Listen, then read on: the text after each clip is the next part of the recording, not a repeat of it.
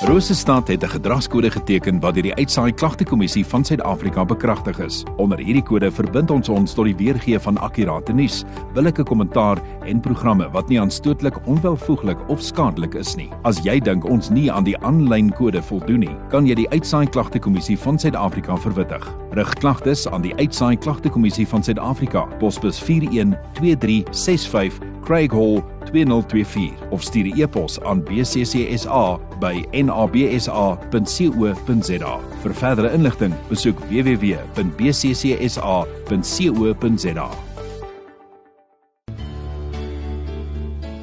Tyd vir oggendgodsdiens op 100.6 FM. Môre weer in die ateljee saam met my en uh, Eelde is Dominee Harris van Koller. As jy ooit met hom wil gesels of van die hande kry, hy's uh, betrokke by die NG Kerk de Wetsdorp. Dominee, welkom. Baie dankie, baie dankie. Dankie vir die lang pad wat jy aanpak elke oggend om hier by ons uit te kom. Waardeer dit. Baie dankie. Ek gaan vanoggend lees uit Jesaja 35. Ek gaan die eerste 4 verse, een van die mooiste gedeeltes in in Jesaja. Jesaja 35, die eerste 4 versies.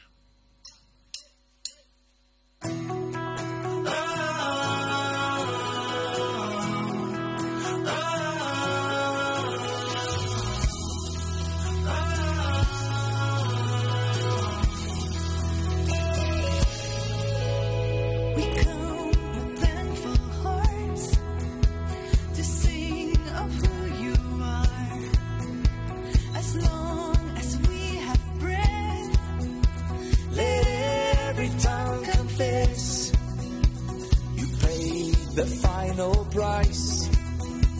You were the sacrifice. I'm washed by water pure.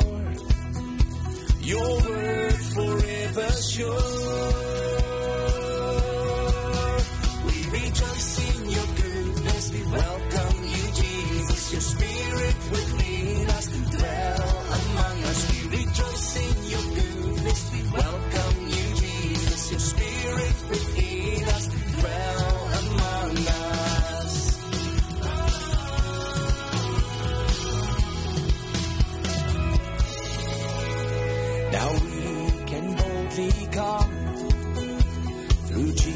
Jesus Christ, your Son.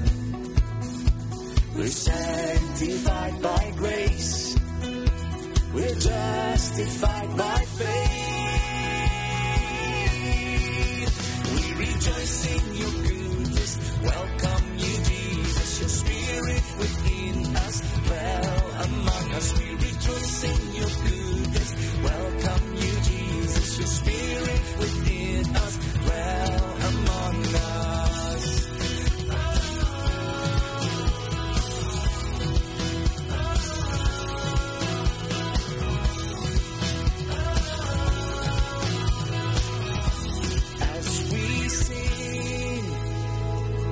Let faith arise as we praise. Let joy break out as we shout. Let walls come down. Jesus, you wear the victor's crown.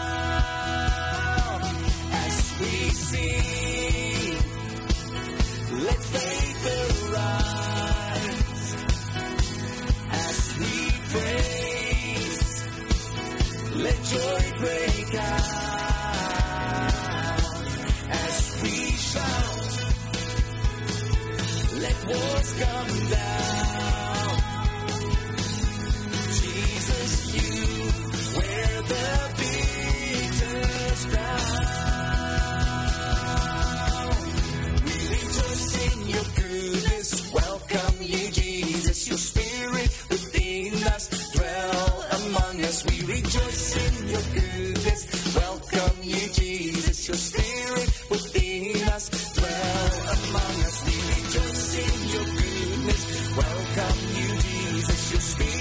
Within us. Dwell among us. Rejoice in your goodness. Welcome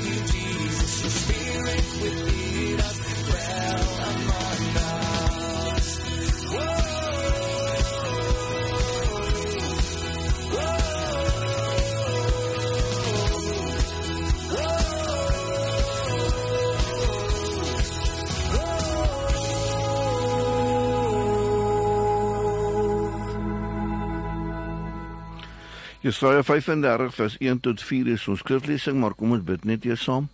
Baie dankie Here God dat ons vanoggend kon mens word, dat U ons wakker gemaak het om mense word in God te gee wêreld. Baie dankie dat ons die kroon van die skep skepping is en dankie dat ons gemaak is na die beeld van Jesus Christus. Dankie dat ons dit kan weet en dat ons ons lewe daarop kan rig om Jesus naam. Amen. Jesaja 35 sê die woestyn en die dorland sal jubel. Die droë wêreld sal juig oor trekment afvoordele. Hy sal in volle blom staan. Hy sal juig en sing. Hy sal die pragt van die Libanon hê, die skoonheid van Karmel en Saron. Israel sal die mag van die Here sien, die koninklike mag van ons God. Bemoedig die wie se hande slap hang, help die wie se knie knik. Sê vir die wat moed verloor het, wees sterk, moenie bang wees nie, julle God is hier.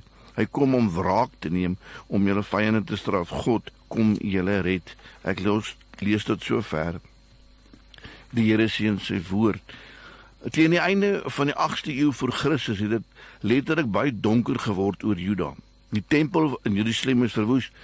Die volk van Israel is in ballingskap versprei oor die hele destydse beskawing. In daardie selfde tyd toeval Assirië 'n baie aggressiewe uh, volk van daardie tyd en hulle het 'n baie aggressiewe koning gehad, koning Sanherib en hulle vang vir Juda binne. En hy stuur toe vir die koning van Juda, Hiskia, 'n boodskap. Nou nou nie hy's 'n vriendelike enetjie nie. Hy sê vir hom: "Hoor hier, Hiskia, jou God kan jou nie red uit my hand uit nie." En Hiskia skrik hom gedaan. Hy skeer sy klere, trek rouklere aan en stompel na die tempel en sê: roep die profeet, roep vir Jesaja en gaan sê vir hom se dag van rou. Ons is soos vrouens wat in kraam is, wanneer die krag daarvoor het nie. Bid vir die klompie van ons wat oor is. En onder daardie omstandighede gee die profeet sy volk met die woorde van Jesaja 35 moed. Jesaja 35 is 'n boodskap vir mense wie se hande slap hang, mense wie se knie knik van vrees, mense wat regtig moed verloor het. En daar in die benoudheid van hulle lewe, toe kom die boodskap van die profeet en hoor wat sê hy. Hier in die donker uur van hulle menslike wanhoop, hier waar almal sug en vrees, waar almal negatief gestem is, kom praat hy van afdille wat vrolik bloei in 'n woestyn, van berge en hulle skoonheid en van strome water wat uit die woestyn uitbars. Hy praat van blindes wat sien en stom stommes wat sing van mense wat juigend op pad is. Hy seker in die erfde situasie besef nie dink die mense want kyk wat sê hy. Wat 'n boodskap is dit? Dis 'n siek grap, 'n vals droom. Waarvan praat hy? Maar dit is nie waar nie. Want Jesaja verkondig hier 'n boodskap wat alles in ons lewe in 'n totaal ander lig kan stel. 'n Boodskap wat ek glo werklik antwoord bied op ons diepste vrese, versigtings. 'n Boodskap wat ons juis nou so nodig het om sommer te weet en met nuwe lewensdrif en nuwe lewenshoop te leef. 'n boodskap wat die mense van destyds in Juda se optel uit die vodder van hulle vasgeloopte lewe en die boodskap van Jesaja is net dood eenvoudig. God is hier by julle. God ken julle en God verstaan. Met ander woorde Jesaja wou sy moedelose volk net weer 'n nuwe visie op God gee. Mense sê Jesaja, wees sterk met die bang wees, God is hier. daarmee het Jesaja seker die troosrykste boodskap verkondig wat hierdie wêreld kan hoor dat God, die groot almagtige Skepper God, dat hy in hierdie wêreld by ons staan van ons weet. Julle God is hier, sê Jesaja vir Juda. Hier tussen al die benoud benoudende werklikhede is hy groter en sterker as al die realiteit van ons lewe. Is daar 'n ander werklikheid, 'n ander realiteit, God, die een wat bystaan. Ja ja, ons kragte is klein en ons moed is min en ons boodskap is weg, maar hoor nou, sê Jesaja, julle God is ook hier. Hy's nie in die gewyde tempel nie. Hy sit in die rustige hange van die Karmel of die sagte vallei van Saron nie. Hy's ook nie in die woestyn nie. Nee, hy's hier by julle waar dit donker geword het, waar jy huil van droefheid, waar jy sweet van pyn of vloek van angs. Hier is julle God. En net die gedagte daaraan dat vir Jesaja 'n profetiese vergesig sien. Hy sien plante af wat hulle op 'n dorland, asook die woestyn jubel. Strome water in die woestyn, blindes wat sien en dowes wat kan hoor, lammes wat huppel. Hy sien 'n skaar juigende ballinge terugkeer op 'n groot pad. Weet jy wat Jesaja met hierdie beelde vir ons wil sê? Al wat hy wil sê is dat die teenwoordigheid van God 'n verskil maak wat vreugde skep. Dat God bevrydend en herstellend in ons lewe bystaan om alles anders te maak.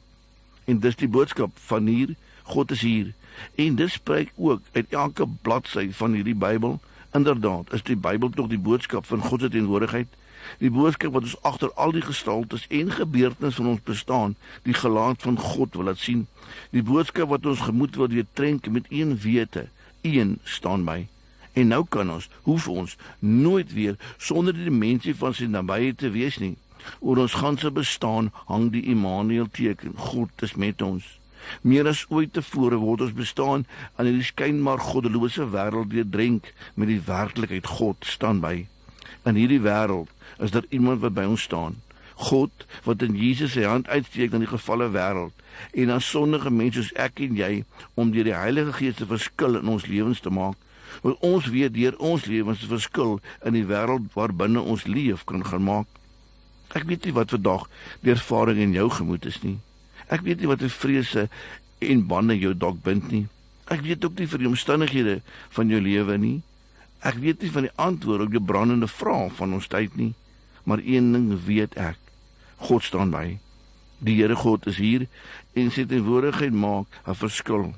Bevrydend en herstellend staan hy by ons om alles in ons lewe so anders te maak. Baie dankie Here God dat U daar is vir ons onder elke lewensomstandighede om ons lewe anders te maak, vreugdevol te maak, met blydskap te maak omdat U saam met ons leef. Amen.